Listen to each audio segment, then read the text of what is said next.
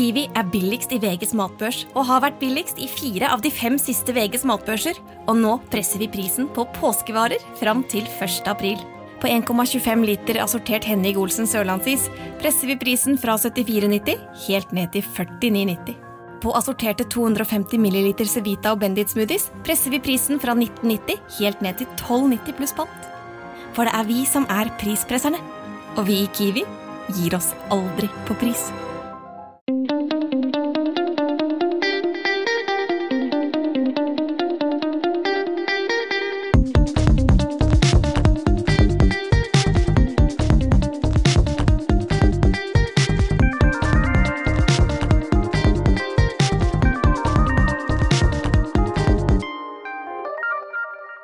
Velkommen til denne episoden av Lynkjapt historier du har tid til.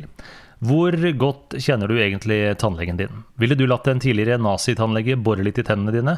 Hva med en rotfylling?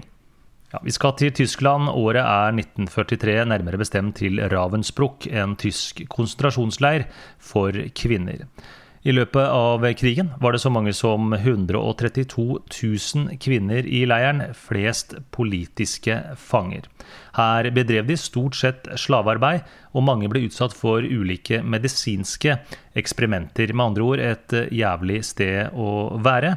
Alle trenger en tannlege, og det gjorde man også i Ravensbruk. men ikke for å lindre tannverk. Og merk deg navnet Martin Hellinger, født i 1904 utvilsomt tannlegen fra helvete.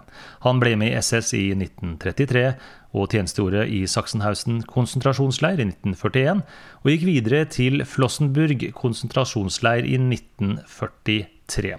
Og Utgangspunktet for Hellingers militære tannlegekarriere er at eh, den 23.9.1940 ble gitt en ordre fra Heinrich Himmler himself om at gulltenner fra levende mennesker skulle samles inn, men også at alt gull fra tennene til døde skulle fjernes. Og det er her Hellinger kommer til å spille en helt sentral rolle. Han blir en av fire tannleger som blir tildelt oppgaven med å gjennomføre innsamlingen av gull fra tenner til levende og døde fanger.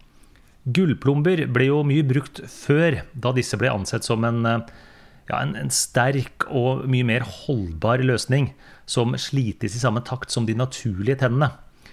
Det brukes eh, litt i dag også, men i mye, mye mindre grad. Uansett, denne jobben måtte gjøres manuelt, og man kan jo bare tenke seg hvordan dette ble gjort i praksis.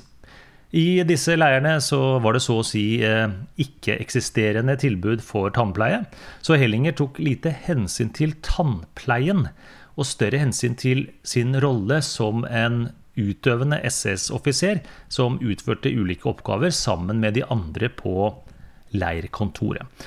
Og eh, en kveld så ledet han henrettelsen av 50 kvinner, som eh, selvfølgelig ikke fikk noen rettssak.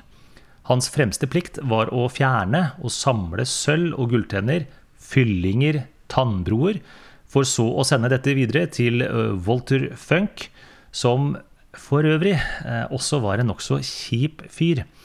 Han var også president for Reichsbank. Etter at en lege hadde bekreftet at kvinnene var døde, så tok Hellinger frem bor og tang og gikk gjennom de dødes tenner etter gull. Man kunne helt sikkert sagt mye om ja, hva Martin Hellinger gjorde og hans sadistiske personlighet, men det er ikke poenget her. For det er faktisk det som skjer etter krigen, som er det mest oppsiktsvekkende i denne fortellingen. For etter andre verdenskrig så ble det jo en rekke rettsoppgjør i eh, Nürnberg gjennomført under ledelse av USA. Her fikk også Martin Hellinger en straff. Han var nå 43 år eh, gammel. Ehm, og en britisk militærdomstol i eh, Hamburg i 1947 avsa en dom på 15 år i fengsel. Men Hellinger ble som mange andre løslatt en del før tiden, så allerede i 1955 ble Martin Hellinger en fri mann i et nytt Tyskland. Så hva tror du skjer nå? At han finner seg en ny jobb? At han eh, omskolerer seg?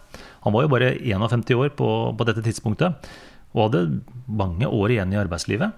Men én gang tannlege, alltid tannlege, så han fortsetter som privatpraktiserende tannlege og gjør dette i mange, mange år. Hvis jeg hadde visst at tannlegen min var en tidligere nazitannlege som under krigen boret ut gullplomber fra gassa og henretta kvinner, så hadde jeg avbestilt den timen veldig fort, for å si det sånn.